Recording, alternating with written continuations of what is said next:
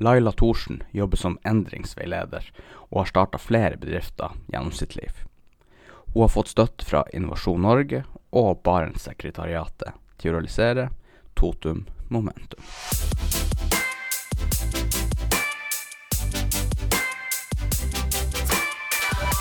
Ja, da kjører vi bare på. Ja, velkommen. Takk. Hvordan har juleferien vært? Det er jo den første podkasten etter juleferien, faktisk. Juleferien var fantastisk deilig. Da var jeg sammen med dattera mi og barnebarnet Nei, barnebarnet så jeg bare faktisk én dag, men dattera mi og samboeren hans, hennes Den nye samboeren til dattera Ja. mi. Det var veldig hyggelig å bli kjent med han. Ja, da var det dype analyse som gikk inn da på Da var det mye dype analyser, og nå, svigersønn, hva kan du legge fram av gode egenskaper her? hva har du, kom, hva har du å komme med. Ja. Det ble noen julegaver, da. ja, det ble noen uh, morsomme julegaver faktisk i år. Ja. ble blant, blant annet en, jeg vet ikke hva det heter, men en sånn som lager hele universet i taket. Det var en litt spesiell ja, ja, ja, sånn lysgreie. Ja, Ja, de er litt stilige. veldig tøff. Mm. Så nå kan jeg ligge og filosofere og være helt ute i universet i min egen stue. Ja, ja. Det blir ikke bedre enn det. Nei. Ja, nei, jeg har nå også Jeg fikk nå hvitløkspølse til um, julegave og eh, hansker. Ja, Da er jeg veldig fornøyd Ja. en genser. ja, deilig. Det kommer man langt med. Det gjør man. Mm. Ullgenser hjemmestrikka. Nei, det var bare en vanlig genser. okay. Vanlig, så det var ikke okay. Det var vel ikke det beste du får tak i, men det var veldig bra. Det var litt sånn her moderne og inn, som ungdommer sier nå til dags. Akkurat, ja. Jeg har jo kommet i den alderen hvor det er det hjemmestrikka som er Ja, ja. etterlengta. Da husker man tilbake til gamle Tar ikke det lang tid å strikke? Jo, i gamle Genser. dager så drev de jo på med sånt, og nå har de jo heldigvis begynt med det igjen. Så det er bare for hånd hele greia. Ja. Det er lite maskineri. ja, jeg aner ikke hvordan de får det til, men det er fantastiske ting de produserer i hvert fall. Mm. Ja, bestemor hun er veldig ivrig å strikke sokker, i hvert fall. Så Da er du heldig hvis du har en sånn bestemor. Ja, ja, det er noe sant. Men problemet med de hjemmestrikka sokkene er at det går så fort hull i dem, Ja. motsetning til de her du kjøper. Og da må man lære seg til å bøte, er det ikke det det heter? Ja, det kan være.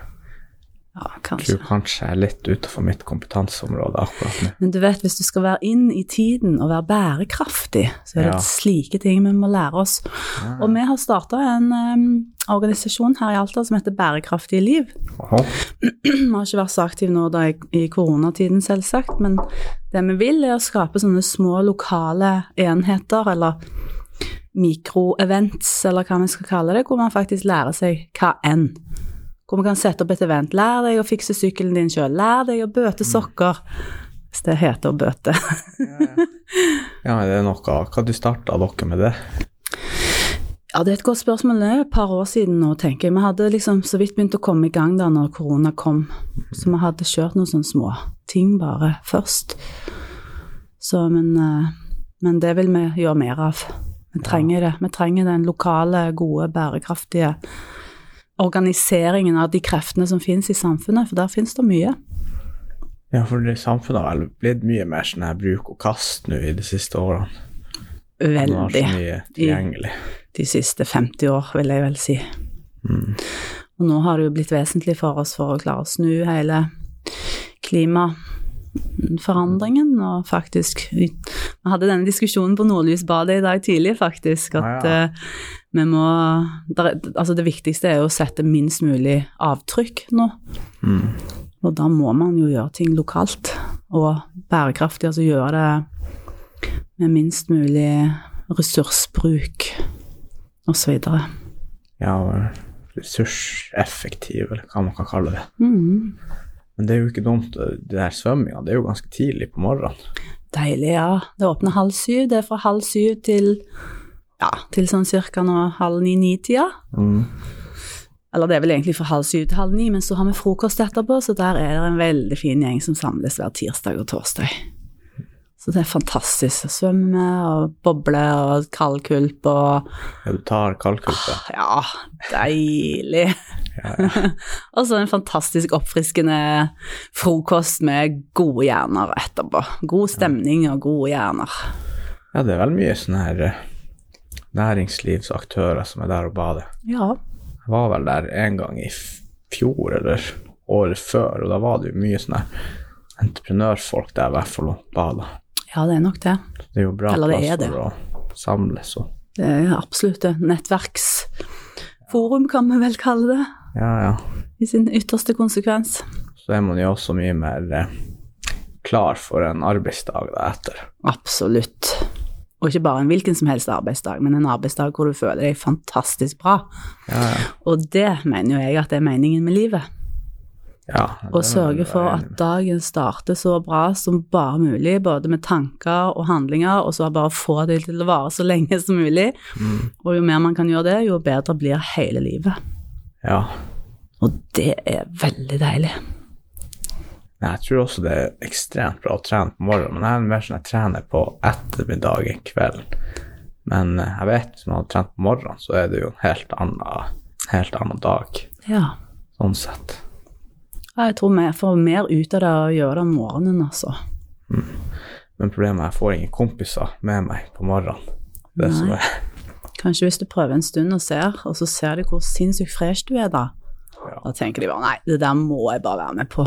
Kanskje du blir et fyrtårn i vennegjengen. Ja, kan påvirke dem til å bli med. Rett og slett bare i kraft av å vise hvor bra du har det. Ja. Kanskje det jeg skal prøve på. Ja. Men eh, du har jo litt på gang. Du er jo Kan ikke du introdusere deg litt, for dem som ikke Ja. vet hvem du er? Det kan jeg. Jeg heter da Leila Thorsen. Um, jeg ja, gjør litt av hvert. litt Overalt. Litt overalt. Jeg flytta hit til Alta i 2012 fordi jeg ville ta da, en bachelor i økonomi og administrasjon med mye ledelse og innovasjonsentreprenørskapsfag. Um, og så ble jeg bare værende her, for her er det jo fantastisk deilig å være. Så jeg har starta en del firmaer i mitt liv. Eh, de fleste har jeg hatt eh, brukbar suksess med, eller sånn på, på mitt lille plan i hvert fall, som har gitt meg veldig bra, et bra liv.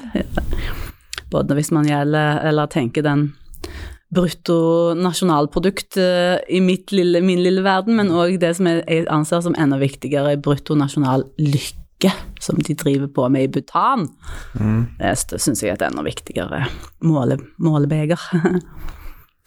um, ja, så har jeg hatt uh, ett firma som vi etter hvert skjønte at jeg ikke Eller hvis vi skulle tjene noen penger på det, så måtte vi ta så mye betalt at det la meg ned. Og det lærte jeg sinnssykt mye av, for da når jeg da fant ut at jeg ville starte Totum, som er det ene selskapet som jeg driver nå, så fant jeg ut at da måtte jeg gjøre det ordentlig, og da flytta jeg til Alta for å ta en bachelor i økonomi osv. for å lære meg å gjøre ting på en mer kompetent måte. Um, og så har jeg da Så Totum, Totum Community er en markedsplass for uh, hjelpetjenester. Hvor man kan legge ut tjenester og, og være åpen i et marked, da. Enten man jobber online eller on location eller med hva som helst, egentlig. Så jobber jeg som endringsveileder. Det vil si at jeg hjelper folk til å ha det bra Mm. med hva enn de trenger hjelp til. Og så har jeg et uh, lite eiendomsselskap. Uh, og så har jeg en eh, franchise for røykeslutt. Og så jobber jeg som terapeut. Så jeg fikser egentlig både kropp og sinn og sjel. så, ja. Ja, da har du jo ganske mye å rutte med, for å si det sånn. ja. Hvor kommer du fra originalt? Jeg Kommer fra Stavanger, egentlig. Stavanger? Ja. Hva, som, hva som fikk deg til å tenke Alta, da? Nei, jeg flytta fra Stavanger faktisk når jeg var 16. Da flytta jeg til Oslo. Jeg var litt uh, wild child en gang i tiden. Ja. mm, uh, så jeg, jeg ble jo faktisk gravid og fikk dattera mi på den tiden. Ja. Og så um, um, har jeg bodd mange år i Oslo, og så har jeg bodd mange år i Hemsedal. Flyttet opp dit en gang i tiden med en snowboarder, og ble værende der òg. Fantastisk deilig sted, masse snø. Så ja, det å flytte opp til Alta var egentlig ikke så veldig stort skritt. Jeg, jeg ville jo da ta den bacheloren i økonomi og ledelse, så kom dukka det studiet opp. Eh, og så kunne jeg tatt det i Hønefoss, som da ville vært en time eller to timer å kjøre fra Hemsedal, hvor jeg bodde da. Men da måtte jeg ha Eller da visste jeg at jeg hadde jobba som terapeut da hele tida. Så da tenkte jeg nei, da reiser jeg til andre siden av Norge i stedet. Jeg hadde aldri vært i Alta. Eller jeg hadde kjørt forbi, en, kjørt gjennom en gang. Jeg hadde tatt en lunsj, faktisk, på Alfa og Omega. Ja. eh, Når vi kjørte gjennom på en motorsykkeltur. Min, min motorsykkelopptrening. Men utenom det så hadde jeg, jeg hadde ikke sett noe av Alta, visste ingenting om Alta, så jeg kom hit med flyttelasset mitt, faktisk. Det er jo ganske tøft å gjøre. Bare Ja. helt uten å ha sett nesten.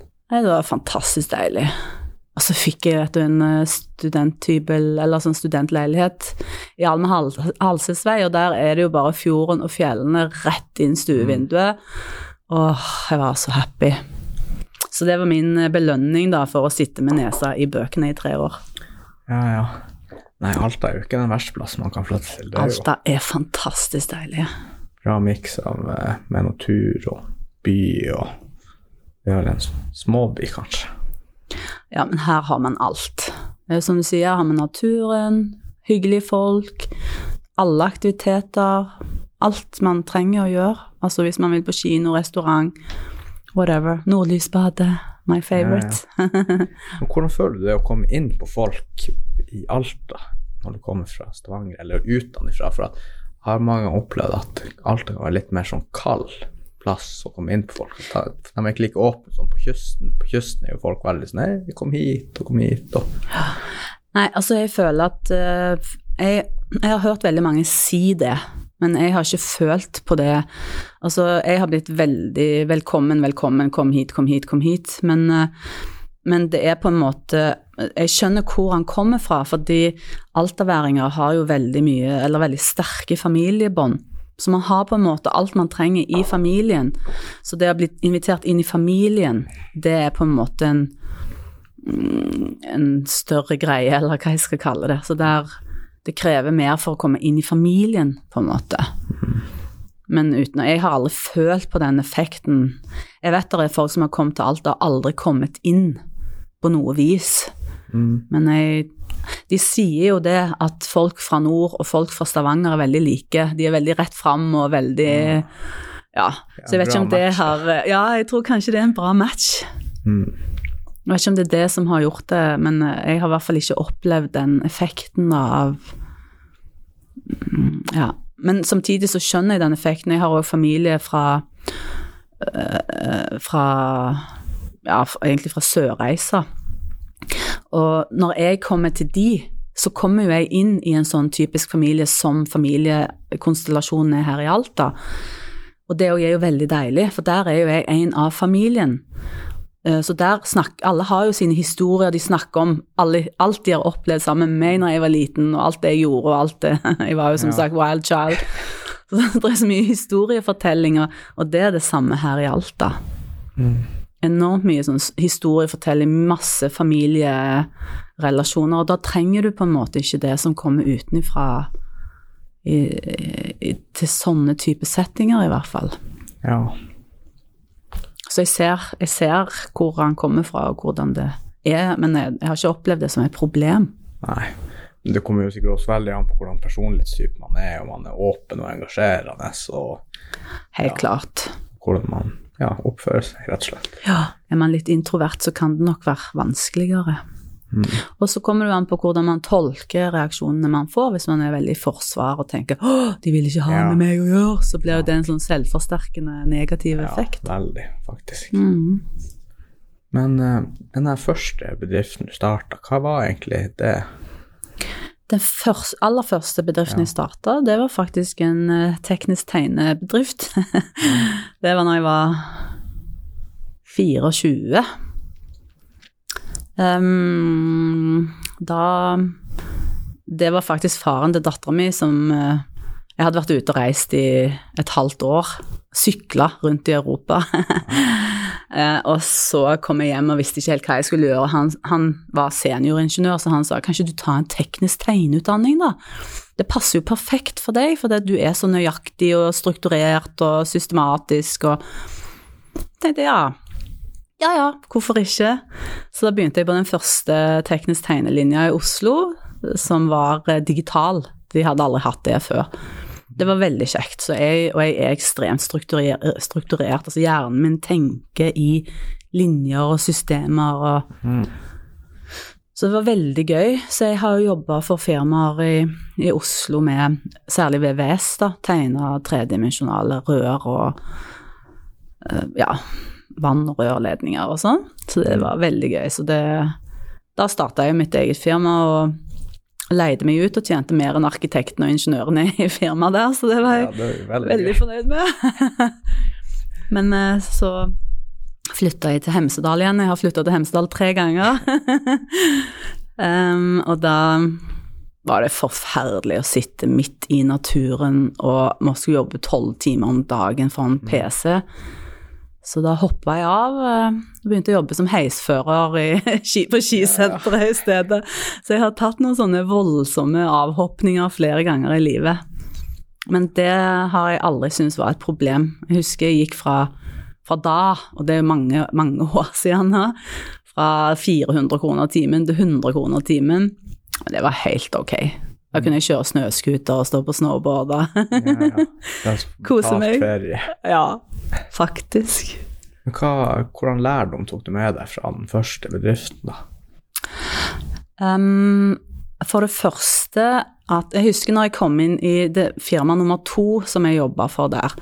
Da skulle jeg jobbe for åtte arkitekter og ingeniører, og ingen hadde system, eller alle hadde sitt system. Og som teknisk tegner, når jeg da skulle hjelpe de, så gikk jo ikke det. Eh, For ingen, jeg kunne ikke finne noe. Jeg brukte mer tid på å leite etter ting enn på å jobbe. Eh, Så faktisk, jeg gikk og klaga til sjefen.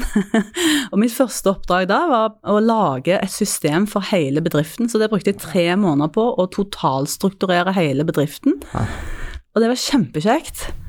Ja. Um, så der lærte jeg meg eh, til å ja, Jeg har vel egentlig alltid vært sånn som sier fra om ting, og, og vil ha ting ordentlig, da. Mm. Så, så det var veldig kjekt. Og så lærte jeg en annen ting, og det var å fakturere i tide. For der fakturerte jeg litt seint, og så gikk det For jeg leide meg ut gjennom et sånn konsultasjonsfirma som slo seg sjøl konkurs, og dermed mista jeg 60 000 kroner, og det var skikkelig kjipt på den tida. Den er jo litt kjipt, ja. Ja. Det Kjipt i dag, altså. Ja, ja. Da, det var lenge siden, så det var veldig kjipt. Jeg har ikke glemt det, som du hører. Var det sånn CRM-system du lagde da, eller var det bare sånn Ja, på en måte, men det var mer den interne strukturen, da. Altså arkiveringssystemer. Men ja, kommunikasjon var jo òg med i, i bildet. Altså det var systemer for alt i bedriften. Å få Ja. en god flyt med alle arbeidsoperasjoner i særlig grad, da. mm. Mm. Ja, det Så er jo det var veldig gøy. Ja, det er jo artig når man kan tjene så godt Mm. når man er litt uh, ung. Ja. Ja. var I heisen, da, hvordan Det var bare gode dager, da. Ja, det var veldig deilig. Og jeg er jo en sånn eh, som liker å klatre høyt i master og, og gjøre sånne ting, så det var, det var gøy. Men selvfølgelig, da, du sitter jo og passer på òg i heisen, så det blir jo litt kjedelig òg i lengden. Mm. Så det tok meg veldig mange år. Jeg ble faktisk 40 før jeg endelig skjønte at jeg faktisk var en gründer. Ja, ja. Så før det så har jeg bare tatt masse forskjellige typer jobber som jeg syntes var veldig kjekt uh, i begynnelsen, og så har det bare blitt kjedelig etter hvert. Eh, så da Men den viktigste rettesnoren jeg har hatt, er jo å, eh, gjør, aldri gjøre noe som jeg ikke føler er bra, og følge det som føles bra ut. Mm. På, til veldig sterke advarsler fra både moren min og andre. ja, du kan ikke bare slutte nå, som du endelig har jobbet deg opp. jo, men penger har egentlig ikke betydd eh, noe for meg, sånn som Altså, penger betyr selvfølgelig noe. Hvis du ikke har penger, så betyr de veldig mye. Men eh, jeg kan ikke gjøre noe bare på grunn av penger. Jeg må ha en mening med det jeg gjør, og synes det er gøy. Ja, det er veldig viktig at det, man har en mening, og det beste er jo en hobby, nesten, hvis man gjør det også, men det er jo veldig viktig. Så slipper man å stå opp om morgenen og, og eh, kvie seg for å dra på jobb. Ja, nei, det er ikke kjekt. Det har jeg gjort veldig lite. Hvis jeg begynner sånn, så slutter jeg. Men nå er jeg jo så heldig at nå har jeg jo hatt eh, eh, Eller for ti år siden så gjorde jeg, har alltid gjort, siden jeg òg er endringsveileder jeg, jeg, Den ene franchisen, altså denne røykesluttkursen, den, den har jeg jobbet med før. Um, I fire år. Først som kursleder, og så som driftsleder for Norge og Nord-Sverige. Og da Uh, har jo alltid altså Da ble jeg trent opp av en coach i halvannet år um, fra Amerika, som var fantastisk flink til å drive franchisen coachingbasert. Og etter det så har jeg jo alltid gjort veldig mye um, refleksjonsprosesser og sånne type ting for å finne ut hvordan jeg har det. Eller hvor jeg er og hva jeg gjør. Så for ti år siden så gjorde jeg en sånn type Jeg holdt på egentlig med en, en slags sånn stor prosess med å finne ut hva er det jeg virkelig ønsker, og hva er mitt burning desire for resten av mitt liv. Uh, da var jeg jo 40 år, og da tenkte jeg at åh, nå, nå vil jeg liksom ikke bare gjøre masse forskjellige ting. Det er greit at jeg liker det jeg gjør, men jeg, jeg ønsker å fokusere mer på noe. Um, da fant jeg det som jeg for, kaller for liv i lag og lykke. Eh, og det består jo av flere deler, da. Det er helse og arbeid, relasjoner osv. Men eh, blant annet i det, i den prosessen, så dukket jo da Totum opp, eller det som skulle til å bli, skulle bli Totum. Eh, og det eh, har vært fantastisk da i ti år. eh, Først var det jo selvfølgelig bare en idé. Det tok jo tid før det ble noe mer enn det, men Og det bare kunne da la en liten tanke få lov til å bli et frø, at man faktisk planter det frøet. Og vanligvis hvis man gjør det, man har et lite frø av en idé, så, som jeg kaller det, så kan det komme Hvis du forteller det til feil personer, eller er litt for åpen, så kan det komme ti ville hester og bare trampe ned hele frøet, eller lille spiren. Så man skal alltid være litt forsiktig i starten. Og da har jeg på en måte tillatt den prosessen til å bli et mer og mer bærekraftig tre. mm, og det har jeg jo jobbet med, så jeg er jo ekstremt privilegert. Jeg har jo bare gjort det jeg har villet de siste ti år, eller før det òg, altså. Men, men i, i særlig grad nå, når vi har holdt på å utvikle Totum først eh, Selve bedriften heter egentlig Totum Momentum, for det var en plattform vi utvikla først, som er en endringsportal for individuell utvikling. Og så eh, nå Totum Community, som da er markedsplassen for hjelpetjenester. Um, men i den prosessen så har det vært så mye fantastiske ting som har skjedd, og med det å jobbe med et veldig dyktig team og utvikle ting sammen, det er jo, det er, jo ekstremt privilegert. Um, vi har jo fått støtte av Innovasjon Norge, og to, eller flere ganger til flere ting òg. Um, og det er jo selvfølgelig Vi er jo så ekstremt privilegerte her i Norge at vi har en sånn type mulighet, og, og, og ellers kunne vi jo ikke ha gjort det.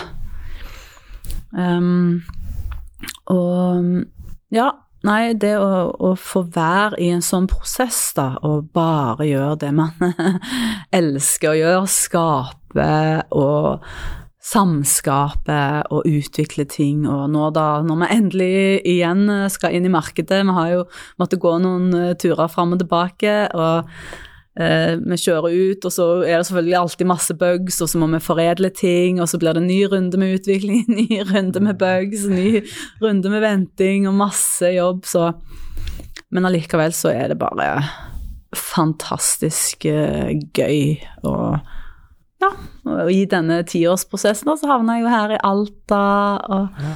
har samtidig tatt en bachelor og ja, gjort tusen millioner andre ting.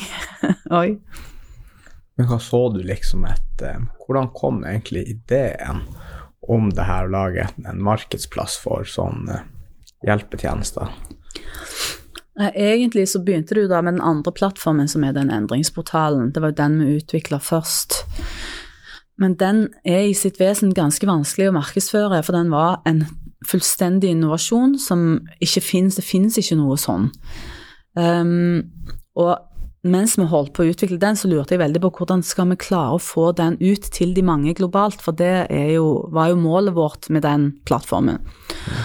Um, og så slo det meg plutselig bare Jeg fikk et sånn lyn, lynnedslag av en idé. Og det var da Totum Community, det var markedsplassen. At vi kunne faktisk bare utvikle på en måte en plattform til, da, selv om det henger jo sammen. Det er jo egentlig samme backend, som det heter. Um, men å lage en ny frontend, da, så du kan tenke deg en hoveddatabase på en måte, som har to ansikter utad. Det ene er endringsportalen, og det andre er markedsplassen. Um, så da bare kasta vi oss rundt og utvikla den òg, for den, den kan òg kobles veldig bra sammen med endringsportalen. Uh, og så tenkte jeg at ok, Airbnb har jo allerede gått den veien med markedsplass eh, på en sånn type måte. Eh, og så det er jo mye lettere å markedsføre. Det er mye lettere å få inn i markedet, mye lettere å få eh, frem til eh, investorer, sånn at de kan forstå veldig mange investorer, i hvert fall her nordpå, um, er jo ikke helt eh, oppdatert kanskje når det gjelder den teknologiske utviklingen som skjer eh, i Amerika. Og nå mener jeg ikke å dra alle over en kam, altså, men eh, det er jo veldig mye annen type investering her oppe. Um, Og da i hvert fall med backend, det er bare liksom koden som ligger bak Ja, det du det er bare det du ser på nettsida, egentlig. ja, ja, på en måte så kan man si det. Ja. Mm. Veldig forenkla. Ja, ja. Mm. Backend er ikke bare kode. Alt er jo kode, både frontend og backend er jo kode, men eh, ja. Men la oss kalle det databasen, da, på en måte bak alt. Så limer man på en slags yttervegger på Ja. huset. Nei, nettsida ja, det kan du si. Det man ser. Frontend, det er det man ser. Backend er alt det man ikke ser. Alt. The magic. Ja. Der er bugsene ligger. Der bugsene ligger. ja, nei, så da Ja, har, alt har bare egentlig gått veldig hånd i hånd, da. Her. Og når jeg var, kom opp hit, da, ble jeg med i eh, Eller begynte på den bacheloren, så var jeg jo med i i samskipnaden, eller styret i samskipnaden her, lærte vi mye om fusjonsprosess, for da var det jo Høgskolen og Universitetet i Tromsø fusjonerte jo da. Så det var ekstremt nyttig, både å få være med i et konsern, for Samskipnaden er jo et konsern Ah, som driver både City Scene og kafeer og ø, utleie av studentleiligheter og barnehage og sånn. ja, for det er landsdekkende. Nei, det er her for Alta. bare her, Mhm. ja.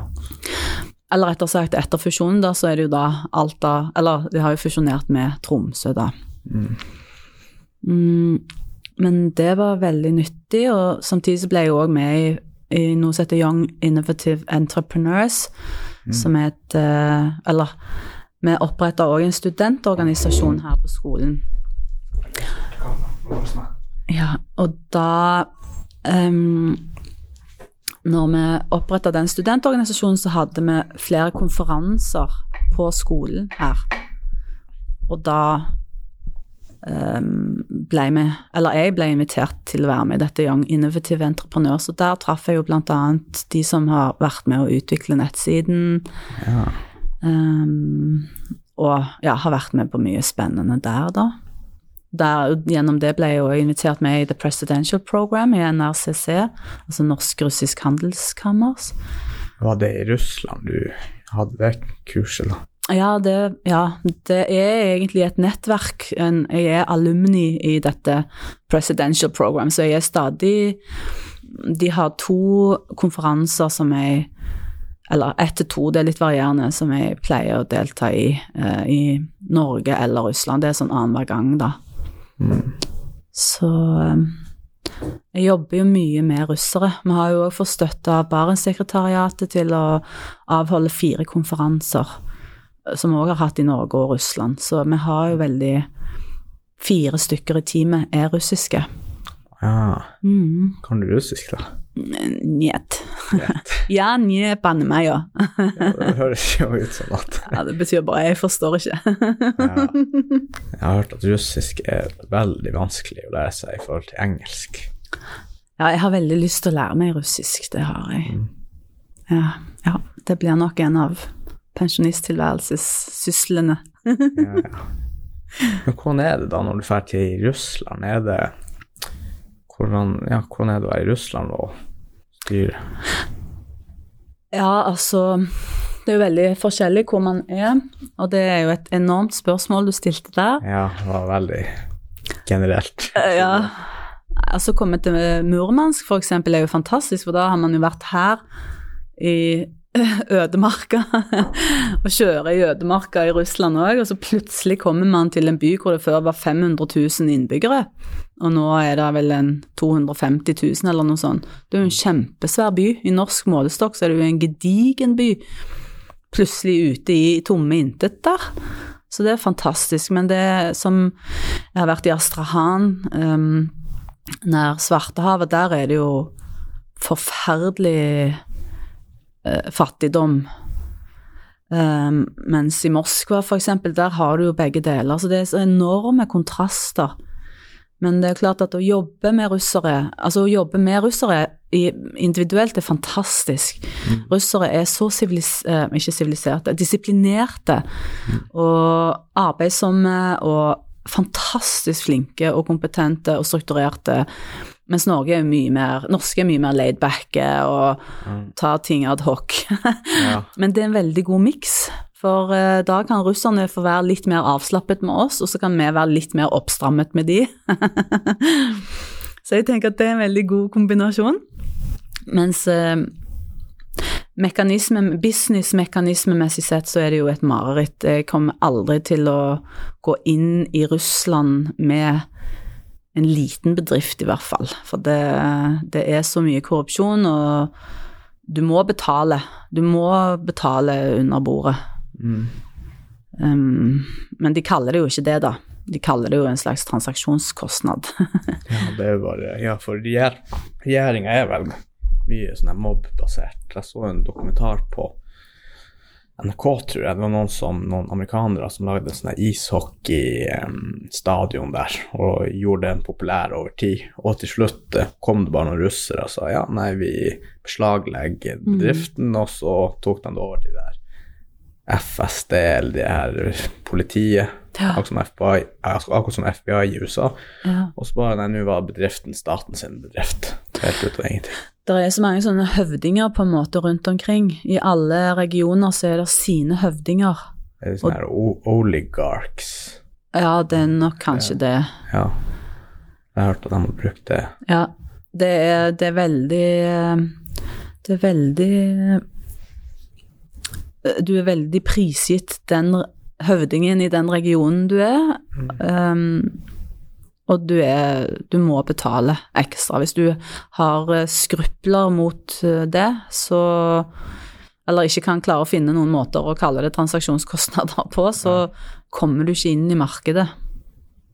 Rett og slett. Da må man ha bekjentskaper og penger. Ja. Det må man. Ja, det er jo en litt an annerledes realitet der enn her, Fullstendig. Si det sånn. Og det er jo klart, når jeg er med i NRCC sine settinger eller konferanser, events, de, da treffer jeg jo veldig oppegående russere, og det er jo veldig trist å se hvordan alle er så desperate etter å komme seg til Norge. Og det, det er jo fullt forståelig, selvfølgelig. Det er jo ikke liv laga å være der nede. De, klarer, de kan jo ikke overleve selv med enorm kompetanse, så, så er det veldig vanskelig å livnære seg og ha et uh, godt liv, da. Så det blir jo en såkalt brain drain. Landet får, har jo en brain drain hele tida fordi de bare vil vekk. Ja. De kan gjøre hva som helst for å komme over. ja, han skal bare flykte, eller.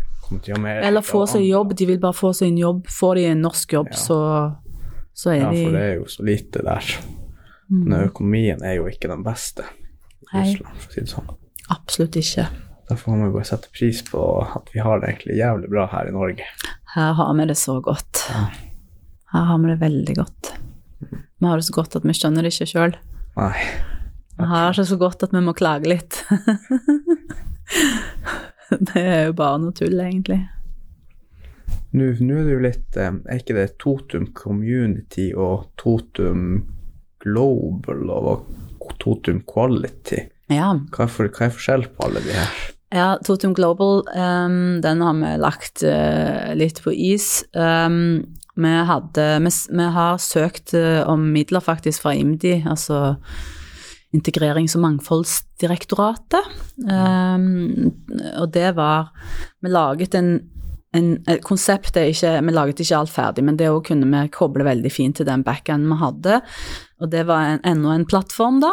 En tredje plattform som uh, handler mer om å hjelpe, at man kan hjelpe hverandre. Nå har det jo dukka opp andre sånne plattformer etterpå. Nå har det jo eksplodert med plattformer eh, etter at vi begynte. Eh, men eh, ja, i hele den søknadsprosessen med IMDi, så ja, det ble noen feil der. Så de tok ikke med vår søknad, det ble litt sånn kluss. Så, eh, så det ble aldri noe av det, så derfor så la vi bare det på is. Men Totum Quality, det er egentlig det som først Det var det som var vårt opprinnelige, det er det vi kalte bare for Totum Momentum før, som altså var bedriften før, og det er den endringsportalen. For det er for de som virkelig vil skumme fløten og leve optimalt. Og um, få hjelp eh, til å ha det bra, altså systemisk og, og eh, personlig, hvis man ønsker det, hjelp, da. Men den har vi heller ikke lansert, siden vi ville heller ta Totum Community først. Men det, den endringsportalen handler jo om at, at man skal finne ut hvor man er, og hvor man vil, og så får man hjelp til å komme dit, da, hvor enn det måtte være. Om det er profesjonelt eller relasjonelt eller økonomisk eller helse eller hva enn man ønsker å endre. Så når du kommer inn, er det som får du en quiz da, for å finne Ja, ut av sånt? ja det er en analyse. Det er det, ja. Ja, Så der kan du bare liksom sjekke noen bokser og ja en hel haug med bokser. Ja. ja, ja. Og den her eh, Totem Community, det er vel som jeg, jeg så litt på det her i sted, og det er ikke det bare at eh, ja, hvis du har tilbyr helsetjenester eller helserelaterte tjenester, så kan du bare sette det dit, akkurat som en jeg har ikke som oppslagstavle, bare for veldig mer spesifikke tjenester, kanskje. Ja, men det er ikke bare helse. Det er alle typer tjenester. Vi deler inn i tre kompetansenivåer. Og det er de som har utdanning, altså dvs. si alt fra akademikere, altså økonomer, advokater, psykologer, øh, leger øh, Ja. Men òg de som har øh, kurs, som, eller annen type skole, da, som personlige trenere, terapeuter, instruktører, veiledere osv. Eh, Men det kan òg være yrkesfaglige, som er snekkere, rørleggere, elektrikere, markedsførere, IT-folk. Eh, Så det er på en måte det Ikke øverste, da, men det øverste nivået. Det ene nivået. Det er de som har utdanning, en sånn type kompetanse. Eh, Men så har du de som er kalt for mestere. Og det er de som har over 10 000 timer med egenerklært erfaringskompetanse. Det vil si at f.eks. hvis du har hatt angst i mange år, eller du har hatt et barn med angst, så har du en utrolig stor kompetanse på det området. Men eh, den er jo ikke formell. Men du har utrolig masse kompetanse som du kan hjelpe andre med. Og akkurat dette med mentale lidelser har jo, det har jo eksplodert med mentale lidelser blant de unge nå de siste åtte-ti årene. Um, og vi vet òg at de får ikke hjelp. Tre av fire får ikke hjelp. Og da er det å faktisk kunne gå inn, søke Altså hvis du får et panikkanfall, eller hva hvis kompisen din får et panikkanfall, du står, du aner ikke hva du skal gjøre, da kan du gå inn i Totum C, trykke inn angst, velge Altså vil du absolutt ha eh, hjelp av en psykolog, så kan du selvfølgelig velge bare de utdanna, men hvis det ikke er essensielt, så kanskje du kan få et tips da, til 50 kroner på SMS eh, der og da. Um, og så er hele problemet løst, ikke sant? Mm. Istedenfor mange nå um, Jeg jobber jo da òg som endringsveileder, og, og mange um, Altså, jeg har øh, folk som kommer med sine barn til meg, blant annet. Og da kan jeg ha én til to timer endringsveiledning med de, og så blir de kvitt angsten, i stedet for at de skal gå gjennom BUP. Og de, altså jeg mener ikke at det er noe galt med BUP, vi er utrolig heldige som har det. Ja, hva heter det, barne- og ungdomspsykiatrisk eller noe sånt, tror jeg. Jeg er ikke helt 100% sikker på det, men jeg tror det. Altså, hvis du får mentale lidelser, så må du gjennom et stort system for å få hjelp, da. Um, og, og det kan være så problematisk, for da går tida, det går lang tid, og, og kanskje du ikke klaffer så bra akkurat med den første terapeuten du kommer til, eller du vet jo aldri, ikke sant? Så, så det å kanskje kunne få hjelp mye tidligere, og der og da, så kan det være nok til at du aldri kommer inn i det sporet hvor du får langvarig angst, da, eksempelvis. Mm, så ja, så det er klart. Men mestere har du jo med andre ting òg.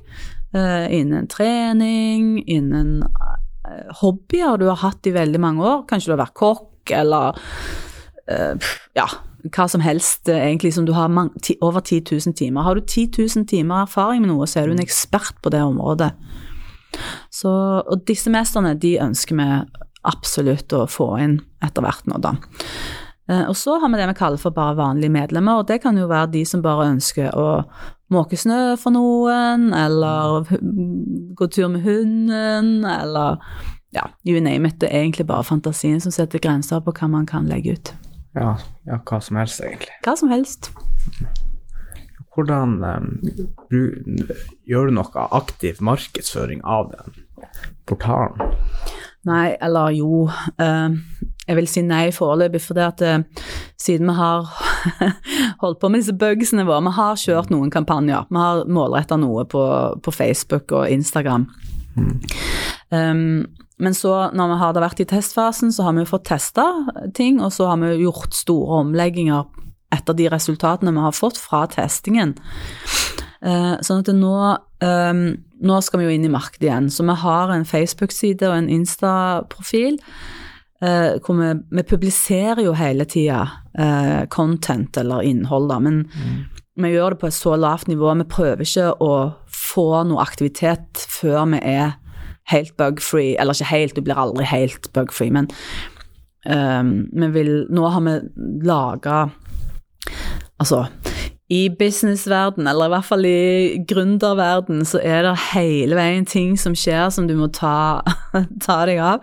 Plutselig, for eksempel, så fikk vi Eller så, så skjønte jeg at vi hadde krav til en konsesjon. Um, hva er en konsesjon? en konsesjon, siden vi, vårt system er bygd til å ta imot penger uh, som da skal videre til hjelperne, hvor vi tar en, en uh, Ja, liten prosent. Um, det er jo det samme systemet som Airbnb bruker, f.eks. Um, uh, så ble vi på en måte en betalingsinstitusjon, og dermed så måtte vi ha en konsesjon for å gjøre det.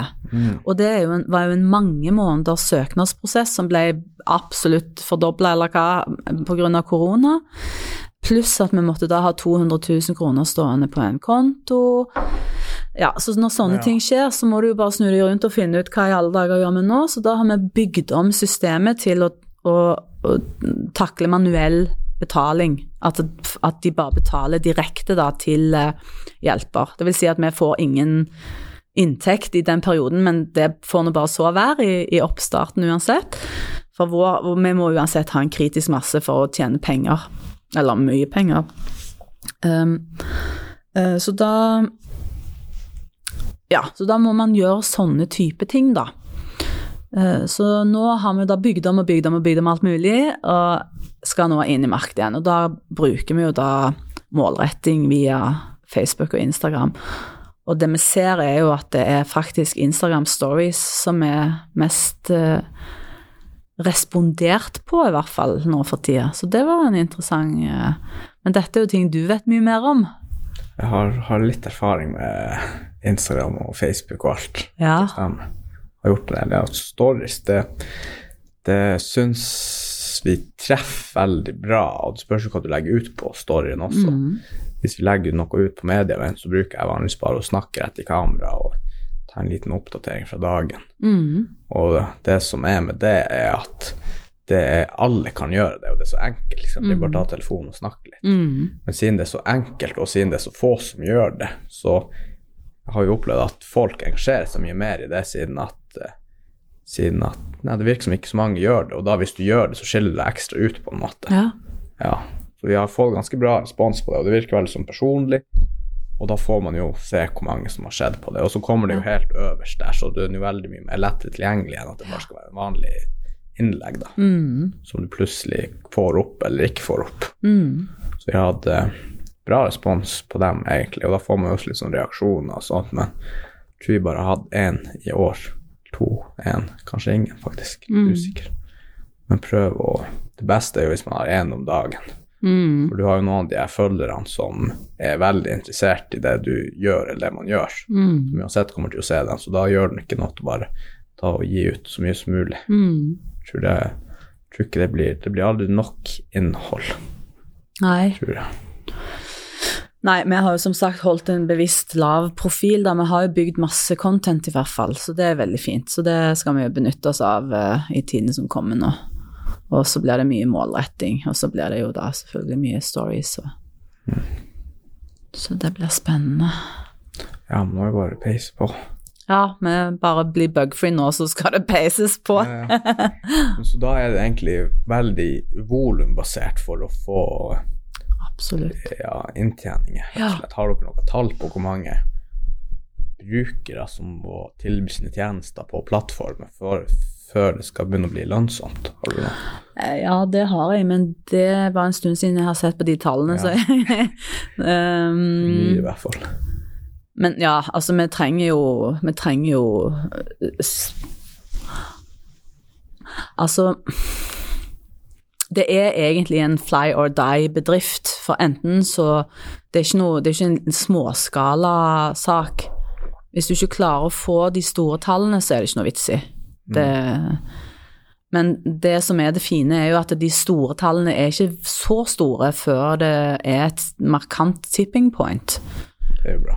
Så det mm, Men det er klart at hvis man for eksempel hvis jeg som terapeut da legger ut en, uh, si en, eh, ja, en uh, terapi en halvtime da, til 600 kroner, så tar jo Totum uh, av meg som hjelper um, 18 kroner og legger på til den som kjøper 36 kroner. Altså 6, 6 legger han på. Så det blir et 36 kroners gebyr for, som søker betaler, eller kj- kjøper det, og så ehm, 18 kroner, 3 av hjelper. Så det blir veldig lite man tar. De merker ikke noe særlig den kostnaden. Og vi merker den jo heller ikke så veldig hvis det er bare ti brukere, selvfølgelig. Men det er jo klart, hvis du har Si at du har da 100 kroner, og du har ja, 1000 brukere da, som kjøper én gang, så har du jo 100 000. Og poenget her er jo at dette er et system som er laga for å rebruke og rebruke og rebruke, så det er jo det som er Dette er jo den der berømmelige hockeystikken som er alle investorers store, våte drøm. Ja? Nei, det er sånn at i begynnelsen, hvis du ser for deg en hockeystikk, da, så har du den en sånn, hockeykølle. Ja. Ja. Um, så har du den lave tuppen. Der, der starter jo bedriften. Altså da, da har man bare masse kostnader, så da jo, går jo den økonomiske kurven rett ned. Men så går han opp, og da går han ikke bare opp, men han går jo rett opp. Ja. ikke sant? Og det er jo det som er med plattformmodellen, at du kan med veldig små investeringer få en ja, rett og slett en eksponentiell vekst, da. En vekst som er en økning som er så stor. Ja, at den er liksom veldig skalerbar. Den er så ekstremt skalerbar. Ja. Så um, Det er jo det veldig mange investorer da ønsker seg. Og som Spotify, på en måte. Spotify, Airbnb, Amazon, Facebook Alle disse her har jo hatt det er jo, De har jo blitt rene verdensherskerne. Har jo ikke med som verdensherskemål, men, eh, men vi vil jo bli globale. Jo, vi har litt verdensherskemål. Ja, Nei, jeg har ikke lyst til å være noen verdenshersker. Det har jeg ikke. ja, det er fint å ha en plattform som hjelper, og man kan tjene litt penger fra. Ja, vårt mål er å faktisk kunne finne hjelpere i hele verden som kan hjelpe andre. Jeg husker um, um, Det var vel Jeg leste f.eks. Petter Stordalen sin bok, syns jeg var veldig inspirerende. ja. Um, og kona hans ble jo alvorlig syk og hadde en, en sjelden sykdom. Og da tenkte jeg for eksempel, altså uansett hvor mye penger man har, hvis man, eh, hvis man ikke man man er på en måte prisgitt de um, om, omgivelsene man har. Enten man har det sykehuset som er i nærheten av seg, eller om man har et par sykehus til i London, eller man velger de beste, så kan det hende at akkurat den kompetansen du trenger, er et helt annet sted som ikke har hørt om altså som ikke er på noen av disse sykehusene. Og det er jo det som er vårt mål, at vi kan finne hjelpere til alt mulig, som du bare kan søke og få opp hjelp til alt. Eh, ting som ikke er vanlig, eksempelvis, og sjeldne sykdommer osv. osv. For dette var veldig triggende for meg. Um, jeg så en um, annons, eller ikke annonse, en artikkel om NASA. NASA sine fremste eksperter uh, som konkurrerte med en global community av hvem som helst der, for å si det sånn. som eksempel Facebook er, eller altså Der har vi jo alle, på en måte, som ikke er noe spe spesifikk, eller Airbnb. Um, det som viste seg, var at selv om du hadde verdens fremste ekspert på akkurat det området der, så vant communityet med å løse den spesifikke oppgaven hver gang. Og det er jo ganske sinnssykt, hadde jeg nesten sagt. At uansett hvor god du er, så vil du aldri være bedre enn de mange. De mange sitter med ressurser som du som enkeltperson, selv om du er verdens beste, aldri kan få. Og det er vårt eh, burning desire når det gjelder Toten Community, det er å få den massen, sånn at du kan eh, virkelig skape hjelp overalt, hvor enn du reiser, hvor enn du drar eller er. Altså både som hjelper, at du kan tilby dine tjenester hvor enn du er, og få hjelp hvor enn du er. Altså hvor enn både fysisk og mentalt og ja. lidelsesmessig, eller hva det måtte være. ja. Men eh, har du noe tid til fritid da, oppi alt det her?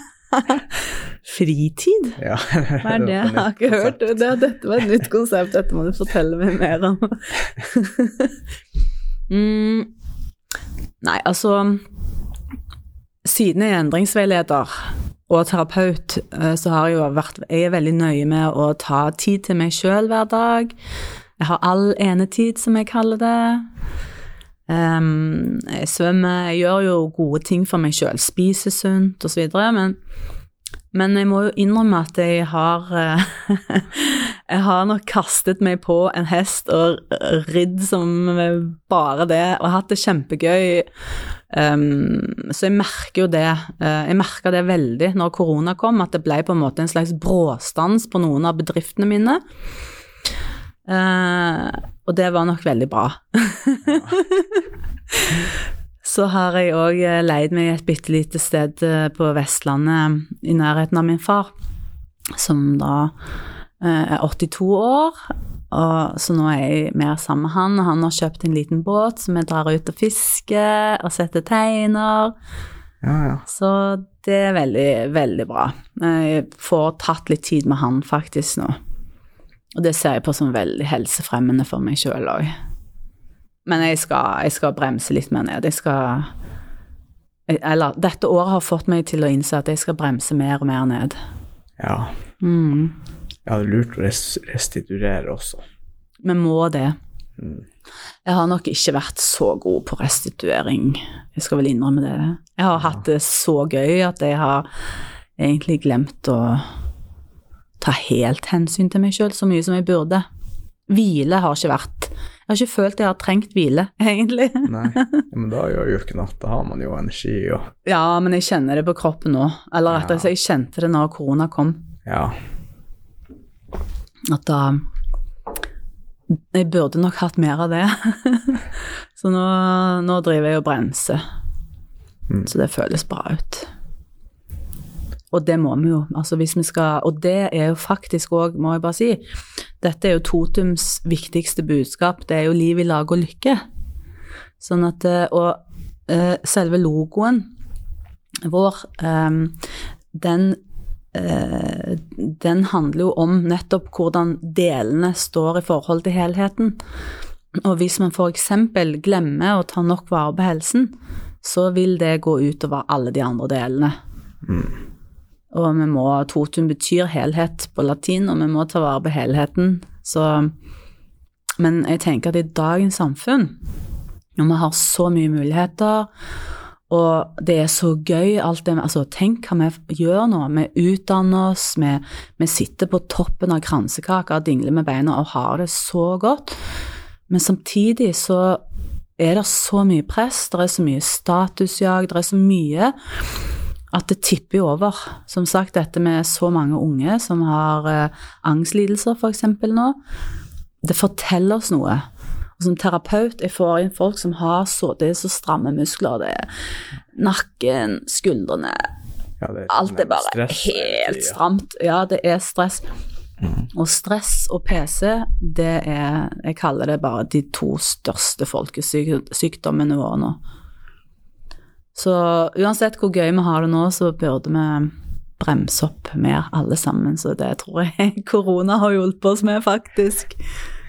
Jeg merka nå i juleferien, den hjelpa betraktelig på. Tok vel en åtte dager fri da. Jeg merka at eh, det var fint å ha litt ferie. Eller man var mye Ja. mer klar når man kom på jobb, i hvert fall. Ja. For jeg hadde veldig mye overskudd av energi. Altså, vi trenger bare litt fri. Faktisk det å ta fri en helg. Jeg tok en sånn en i februar for, for, i fjor for første gang på vet ikke jeg, mange år, faktisk. En hel helg og bare ikke gjorde noen ting, og det var helt fantastisk. Det er da man merker hvor utrolig bra det gjør. Ja, ja, da får man tid å reflektere også. Ja. Det hjelper. Men altså, jeg har jo Jeg gjør jo mye hyggelig, så det, jeg føler jo jeg har mye mer fri enn det, altså, men Men ja, å ta fri er ekstremt viktig. Er helt enig. Ja. Nei, jeg merker også det med helse at det er nesten noen regel at jeg må prøve å trene for hver andre, nei, hver andre, ikke gå to dager uten å trene, for at jeg føler at jeg begynner å overtenke så mye med en gang jeg ikke trener. Og da Mm. tenker jeg på ting som er egentlig bare tull å tenke på. Mm. Da hjelper enormt å trene. Man får litt sånn klarhet i hodet Ja. Og greier å legge ting litt fra seg før man skal legge seg, f.eks. Og det jo, Mm. hvis det er mye stress før man skal legge seg, så sover man jo betraktelig dårligere. ja. Så det hjelper når det noen sånne kondisjonsgreier. Ja, absolutt. Nei, det er klart at trening og hvile, det er jo to sider av samme sak, egentlig. Man trenger begge deler. Definitivt. Og nå har vi jo hjernen skrudd på hele tida. Vi jobber og jobber, og vi presterer på skoler, og vi presterer i vennegjengen, vi presterer på sosiale medier. Det er jo hele tida prestasjon. Så det, vi trenger å skru av hjernen, skru av alt. Skulle nesten bare begynt å skru av telefonen en time før man la seg. Det har jeg konsekvent gjort. Jeg har ikke skjerm på de to siste timene før jeg legger meg. Det, det er en dårlig oppskrift for søvn hvis man har skjerm til man sovner. Ja. Det, er det der blå lyset som gjør at man blir mer våken. ja, men generelt sett, jeg merker at hvis jeg får en, hvis jeg glemmer å skru av, skru av eh, lyden på telefonen, eller skru av telefonen om kvelden, får en en telefon sånn i halv ti-tida, jeg legger meg alltid ti, så tar det lengre tid før jeg sovner, selv om jeg bare har snakket i telefonen. Mm. Så, så jeg tenkte, ja, er dette bare innbilning, eller? Men det er det ikke. Det For jeg er veldig god på å sovne, Ja. men, eh, men ikke med skjerm. Har det vært en skjerm, så Ja, det er et eller annet som skjer i hjernen, helt klart. Om det er lyset, som du sier, eller andre ting, det, det er nok Ja, det er i hvert fall lyset, det er jo bevist. Men jeg har jo òg en sånn greie på skjermen at den slukker seg automatisk ned sånn i syvtida. Mm. Så det Jeg har også sånn at skjermen blir gul i syvtida. Ja. Da slår mm. vekk det her blå lys. Mm. Det skal visst hjelpe litt. Ja, det skal det. Visstnok. Men jeg tar ingen sjanse, jeg skrur av alt. Ja, ja. Like så greit. Ja. Men um, har du noen tips til deg sjøl som 20-åring? Ja, tips til meg sjøl som 20-åring, det måtte jo være eh, Gjør bare det som får deg til å føle deg bra. Følg lykken. Så det Det er ingenting annet enn at man lærer seg til hvordan man skal ha det bra inni seg sjøl, og bli sin egen beste venn. Altså bare finne ut hvem er jeg, hvordan har jeg det når jeg har det bra? Og når har jeg det ikke bra? Det er jo like viktig, for det, hvis du ikke har det bra, så kjenner en eller annen negativ følelse Hvis du er under null, så har du det ikke bra. Og det tar jeg så alvorlig at da sørger jeg for å komme over null. Og hvis man gjør det, så tror jeg man får et lykkelig liv. Eller jeg har i hvert fall hatt et lykkelig liv. Ja. Og jeg har jo fulgt den oppskriften egentlig, da, så det Så den er testa ut, for å si det sånn. Den er utprøvd. Ja. Godt utprøvd. Og ikke bare det, men jeg hjelper jo folk med det som endringsveileder. Så det er min fremste oppgave, å, å hjelpe folk til å ha det bra. Mm. Og um, de som faktisk følger, altså tar den prosessen, finner ut hvem er jeg Når har jeg det ikke bra? At du på en måte kjenner etter. da. At du kan være så nær deg sjøl at du kjenner etter. Når har jeg det bra? Å, nå har jeg masse negativt tankespinn, eller som du sa, hvis jeg har masse bekymringer når jeg skal legge meg, eller Ta det på alvor. For hvis du har det, så blir det ikke bedre. Det blir, et, det blir som en snøball som bare ruller ned bakken. Den blir større og større og større, og du klarer ikke å stoppe den. Den blir verre og verre hvis du ikke stopper den. Men du kan stoppe den. Og tenker oi, nå har jeg det ikke bra, hvordan kan jeg få det bedre? Og litt og litt bedre, bedre, og bedre. Og det, det er en ball du vil skal rulle. Det der momentumtoget der, det vil du skal gå. At det blir bedre og bedre. Så Så- begynn med en liten handling, og så legger du et frø for forbedring. Ja, Ja, veldig god definisjon. Og kanskje ikke bare en liten handling, men en liten tanke. For dette handler om tankene våre, egentlig. Og da er det mange som sier å ja, han skulle drive på med sånn positiv tenkning, da. Men eh, Men da vet de ikke helt hva det betyr. Men ja, du har alltid et valg. Skal jeg nå tenke på denne her som Hvordan skal jeg føle meg når jeg tenker på dette her? Skal jeg være redd? Skal jeg være irritert? Skal jeg være Eller finne problemer. finne problemene, eller skal jeg faktisk puste litt, tenke hvordan kan jeg få det litt bedre i denne situasjonen? Hvordan kan jeg se på dette på en litt bedre måte? Og da får du en helt annen ball som ruller på en helt annen vis enn hvis du lar den andre ballen rulle. Og jeg har eh, folk i min umiddelbare nærhet som jeg ser rulle den negative ballen veldig ofte. Ja. Så det, det, kan vi jo alle se rundt oss og vite. Vi ser jo de som hele veien klager og sutrer, og Eh, nok av dem. nok av de. Mm. Men de er så De har latt den ballen rulle så mye at de faktisk dessverre havnet inni den ballen. Og så begynner å ta andre med seg også. ja, de bare ruller, og ruller. De er så store, de bare tar med seg hele. Alt som kommer på deres vei. Deres vei. Men det samme kan man da gjøre andre veien. Mm. La den andre ballen rulle. Så Ja, altså, jeg tror ikke det finnes en bedre avslutning. Nei. Rull den gode ballen. Den gode snøballen. La den gode snøballen rulle. Ja, ja. Og starten. Starten, ja. Akkurat. Start enhver snøball du bare kan, i en god retning. Perfekt. Da vil jeg bare takke deg for at du tok tida ut av dagen for å komme hit og snakke litt. Tusen takk for at jeg fikk komme, det var veldig hyggelig. Det var ingen problem.